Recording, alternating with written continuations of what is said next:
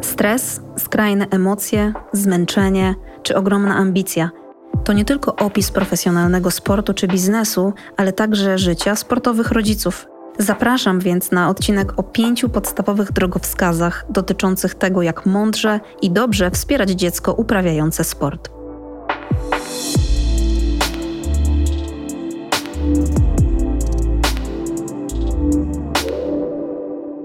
Powiedzmy to sobie wyraźnie.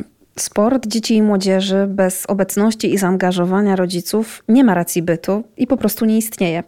Przede wszystkim dlatego, że to właśnie rodzice stanowią fundament pod wszystkim, co umożliwia ich dzieciom podejmowanie aktywności fizycznej na poziomie rekreacyjnym i potem ewentualnie uprawianie sportu wyczynowego. W ogromnej mierze to przecież rodzice po pierwsze finansują sport dzieci, angażują swój czas, przywożą je na zajęcia, odbierają z treningów, czasami nawet sami angażują się w proces szkoleniowy, tworzą sekcje, kluby, funkcjonują w tym świecie coraz bardziej i bardziej. To zresztą także rodzice najczęściej wybierają dyscyplinę sportu, którą zacznie uprawiać dziecko, szczególnie na samym początku, pokazując mu tą, a nie inną formę aktywności. Zresztą bardzo, ale to bardzo zachęcamy do tego, żeby pokazywać dzieciom jak najwięcej tych przestrzeni, jak najwięcej tych form, po to, żeby z czasem dziecko mogło powiedzieć: Właśnie tak, tam chcę iść, chcę iść na zajęcia z piłki ręcznej, na na przykład nie na pływanie, czy nie na jazdę konną. Pamiętam doskonale taką sytuację, kiedy tu będzie odrobina historii, kontekstu, kiedy siedziałam sobie na jakimś meczu tenisa w Warszawie dobrych parę lat temu i, i za mną siedziała pani ze swoim synkiem, jak się okazało z rozmowy, której nie sposób było nie słyszeć i no dziecko powiedziało, na oko, myślę 6-7-letnie, że nie za bardzo ma ochotę pójść na zajęcia piłki nożnej, ale na tym treningu ręcznej bardzo mu się podobało i czy jutro mogę iść na piłkę ręczną, a nie na piłkę nożną. I wtedy mama powiedziała: Nie, synu, musisz coś wybrać albo jedno, albo drugie, i musisz się zdecydować na to, co ty konkretnie chcesz robić, i już właśnie tam chodzić na każdy trening. No i ja mam takie głębokie poczucie, że właśnie szczególnie na etapie wychowania dzieci poprzez sport i pokazywania tych różnych kolorów i odcieni sportu, warto jest dać wiele swobody, no i warto zdecydowanie pokazywać, jak warto dać szansę i obserwować dziecko, dać szansę wybrać, tak, żeby zacząć budować taką zdrową pasję i po prostu frajdę z danej aktywności. To jest bardzo, ale to bardzo ważne. No ale wracając do rdzenia całego tego odcinka, to wprowadzenie w świat sportu i pokazywanie małemu człowiekowi całej palety barw w tej kwestii jest niesamowicie ważne. Będę jeszcze do tego dzisiaj wracać. Przede wszystkim jednak rodzice wspierają swoje dzieci na każdym etapie kariery, no a tej towarzyszą przecież różne zakręty i wyzwania. O tym, jak ważną rolę w karierze sportowej dziecka pełnią rodzice świadczą chociażby przykłady Roberta Lewandowskiego, Marcina Gortata, Agnieszki Radwańskiej, Mai Włoszczowskiej czy Kamila Stocha, bo każde z nich pytane w jakimkolwiek wywiadzie o rodziców mówi jasno, bez moich rodziców sukces i spełnienie marzeń nie byłoby możliwe. Niektórzy sportowcy oczywiście, ściśle, współpracują z rodzicami, także na bardzo zaawansowanych etapach kariery sportowej. Tak naprawdę jako pierwszy przychodzi mi do głowy przykład Mikaeli Schifrin, która już pojawiała się w podcaście, amerykańskiej narciarki alpejskiej.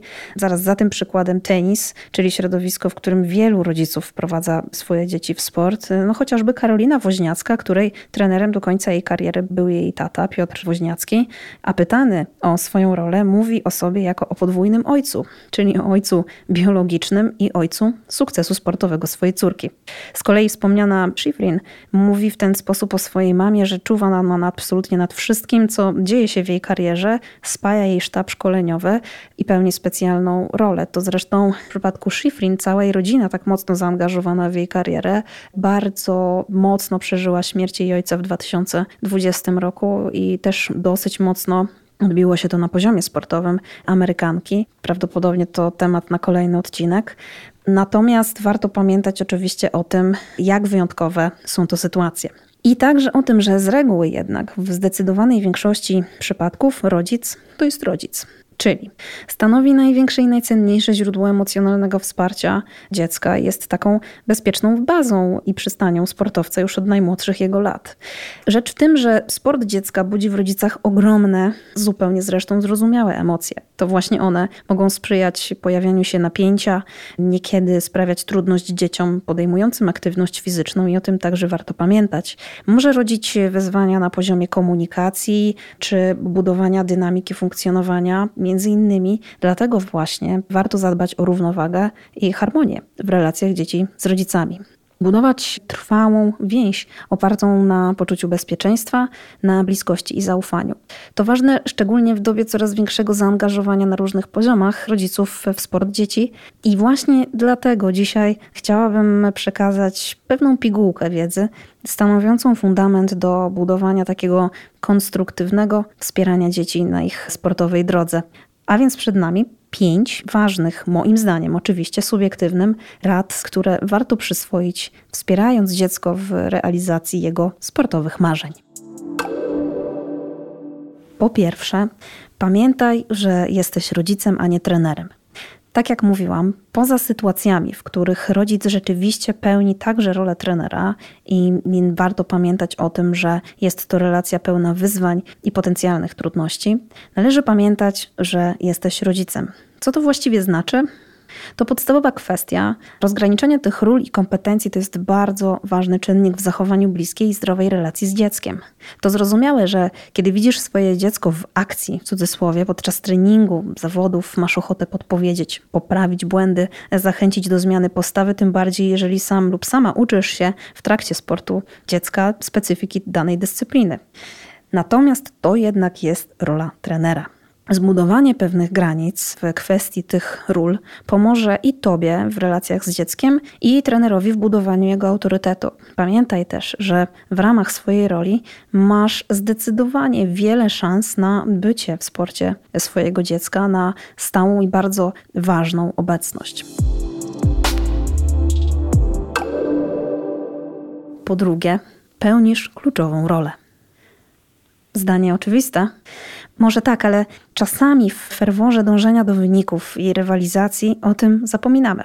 Przecież znasz swoje dziecko jak nikt i wiesz, co sprawia mu trudność, znasz jego mocne i słabe strony. Między innymi dlatego na początku jego sportowej drogi najczęściej to ty decydujesz o, o wyborze dyscypliny czy klubu. Obserwujesz, jak dziecko wchodzi w interakcję z rówieśnikami, jak się rozwija, czy ma trudności w koncentracji, czy w czymś jest lepsze, w czymś bardziej się zmaga, jak nawiązuje relacje z trenerem czy innymi osobami, które pojawiają się w nowym środowisku. Tak naprawdę w pewnym sensie to ty stoisz u steru jego drogi. I dlatego warto pamiętać, żeby Twoje dziecko miało świadomość i pewność tego, że to ty jesteś pierwszym i najważniejszym kibicem, że to do ciebie może zwrócić się z potrzebą wsparcia w trudnym momencie, że przy tobie nie musi obawiać się czy wstydzić okazywania emocji, czy pokazania, że właśnie z czymś się zmaga. To ty przecież najskuteczniej możesz dodać dziecku wiary w siebie i w jego możliwości, wspierać budowę samooceny. Dlatego, chociaż nie jesteś trenerem i oczywiście powinieneś szanować te granice, to twoja rola jest nieoceniona. Warto pracować nad swoimi zasobami swoimi osobistymi umiejętnościami, żeby pełnić tę rolę jak najskuteczniej. Numer 3. Wychowuj poprzez sport.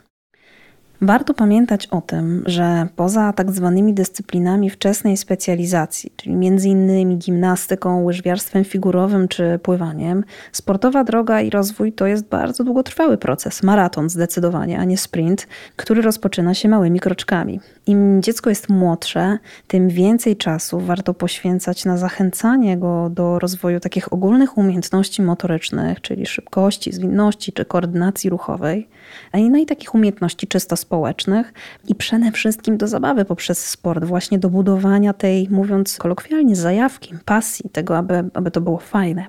To właśnie budowanie tej pasji od najmłodszych lat, zresztą jeden z poprzednich odcinków podcastu o tym mówi, daje najwięcej szans na taki zdrowy i stabilny rozwój, przede wszystkim budowanie satysfakcjonującego życia na różnych płaszczyznach na rywalizację, na ciężki trening i specjalizację, przyjdzie jeszcze czas, tym bardziej, że dzisiaj w świecie sportu coraz więcej, coraz częściej mówimy właśnie o tym, że kariery są coraz dłuższe, że e, poziom wyczynowy zaczyna się nieco później, że jest coraz więcej czasu i przestrzeni na to, żeby osiągać sukces, a często będąc już dojrzałym, w pełni ukształtowanym, a jednocześnie właśnie posiadając w sobie te pasje, jest nam łatwiej, po prostu łatwiej zmierzyć się z różnymi wyzwaniami i w konsekwencji także osiągnąć sukces sukces.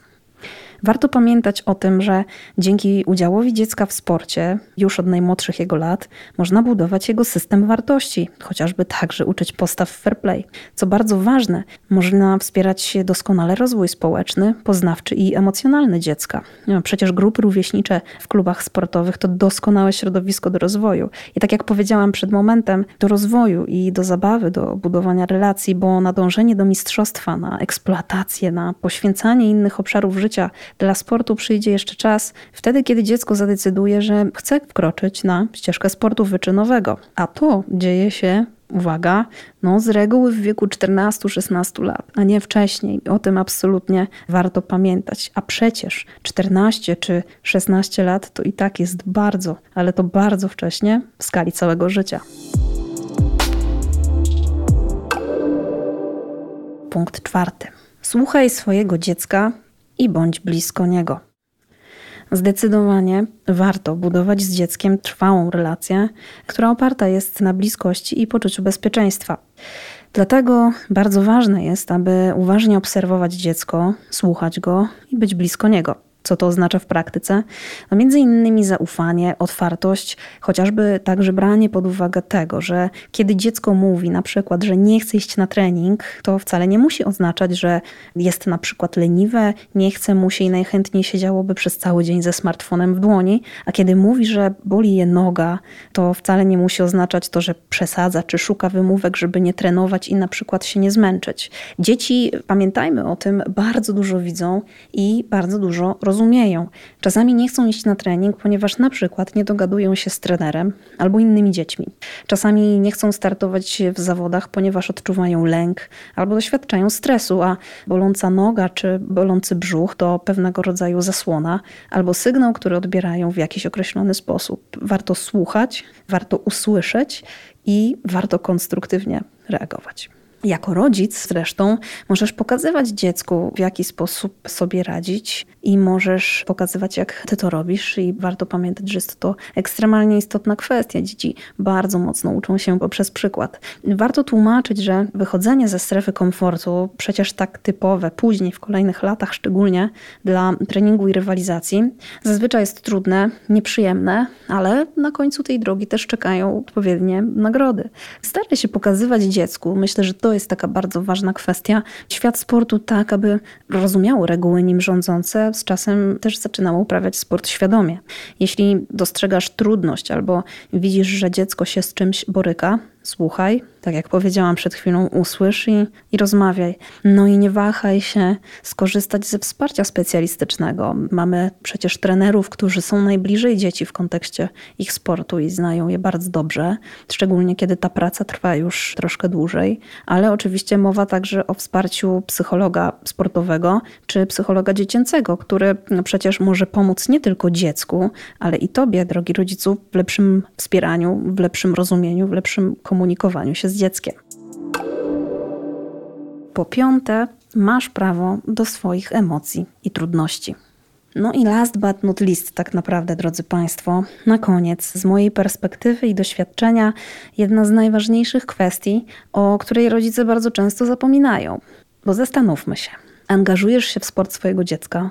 Czasami podporządkowujesz temu funkcjonowanie całej rodziny, swoją pracę, swoją edukację, czasami koncentrując się na dziecku bardziej niż na innych członkach rodziny. Wspierasz, mobilizujesz.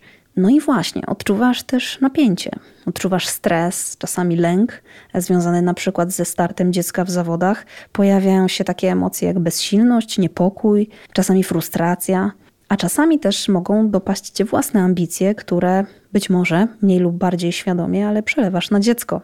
I masz do tego pełne prawo, to jest bardzo, bardzo ludzkie i to naprawdę może się wydarzyć. Sytuacji wywołujących stres lub trudne emocje może być wiele. To może być korek w drodze na mecz i poczucie, że być może się spóźnicie. To może być porażka dziecka w zawodach i, i widok jego łez. To czasami może być niesprawiedliwa decyzja sędziego z Twojej perspektywy i takie poczucie, że działa to na szkodę Twojego dziecka. Pamiętaj jednak, że dziecko potrzebuje Twojego wsparcia. Ono liczy na Ciebie i często na Twój spokój i opanowanie, szczególnie w takich potencjalnie trudnych sytuacjach. Dlatego przyglądaj się sobie, do tego bardzo zachęcam, przyglądaj się sobie i swoim reakcjom, zadając sobie pytania o to, co czujesz, o to, co myślisz, a nawet o to, jak reaguje Twoje ciało. Spróbuj rozpoznać po prostu oznaki stresu, napięcia i zidentyfikować emocje. Takim bardzo ważnym pytaniem, które warto powtarzać sobie cyklicznie, jest pytanie o to, jaki ty masz cel w sporcie swojego dziecka. Bo może okazać się, że Twoim celem jest stworzenie mu fajnych warunków do tego, żeby rozwijało się, no właśnie, chociażby na poziomie społecznym czy emocjonalnym, a Twoje zachowanie, tak jak powiedziałam, często nieświadome, może pokazywać, że zaczyna zależeć Ci na wynikach, na progresie czysto sportowym i treningowym, i może okazać się, że jest to bardzo rozbieżne z tymi pierwotnymi celami. Pytaj siebie, dlaczego chcesz, żeby Twoje dziecko uprawiało sport, co Ty chcesz osiągnąć przez kierowanie je właśnie na tą ścieżkę. A jeśli trudno poradzić Ci sobie z własnymi emocjami w kontekście sportu Twojego dziecka, to znowu nie wahaj się skorzystać ze wsparcia psychologa sportu, bo dzięki takiej współpracy będzie Ci łatwiej pełnić tę najważniejszą z wielu perspektyw rolę. I mam takie doświadczenia, szczególnie w ostatnich kilku latach, kiedy rodzice trafiający do gabinetu psychologa sportu mówią już nie, co mam zrobić, czy co może zrobić moje dziecko, żeby lepiej uprawiać sport, ale rodzice pytają, co mogę zrobić, żeby lepiej wspierać moje dziecko uprawiające sport. I myślę, że to jest jedna z największych jakościowych zmian w kontekście takiego używania psychologii sportowej do sportu dzieci i młodzieży, i to jest bardzo, ale to bardzo pozytywny objaw. Proste? W teorii jasne. W praktyce to jedno z większych wyzwań, nie tylko dla samych rodziców, ale też dla dzieci, które być może kiedyś stworzą sportowe kariery. Warto pamiętać na każdym etapie, że sport ma ogromną siłę wychowawczą, może kształtować mnóstwo cech, które przydają się w dorosłym życiu w tak wielu rolach które pełnimy absolutnie przez cały czas naszego funkcjonowania i w wielu środowiskach. No a ty, drogi rodzicu, masz w swoich rękach olbrzymie narzędzie i bardzo duży kapitał, który odpowiednio zagospodarowany może naprawdę czynić wiele dobrego. To od ciebie zależy, w jaki sposób go wykorzystasz. I niech ten dzisiejszy odcinek, mam nadzieję treściwy, będzie pewnego rodzaju drogowskazem i takim pakietem podstawowych przypominajek na każdym etapie Twojej drogi jako właśnie sportowego rodzica. Na pewno, mówiąc w cudzysłowie, nie załatwi to sprawy, ale może pomagać w utrzymywaniu się na właściwym szlaku. Powodzenia.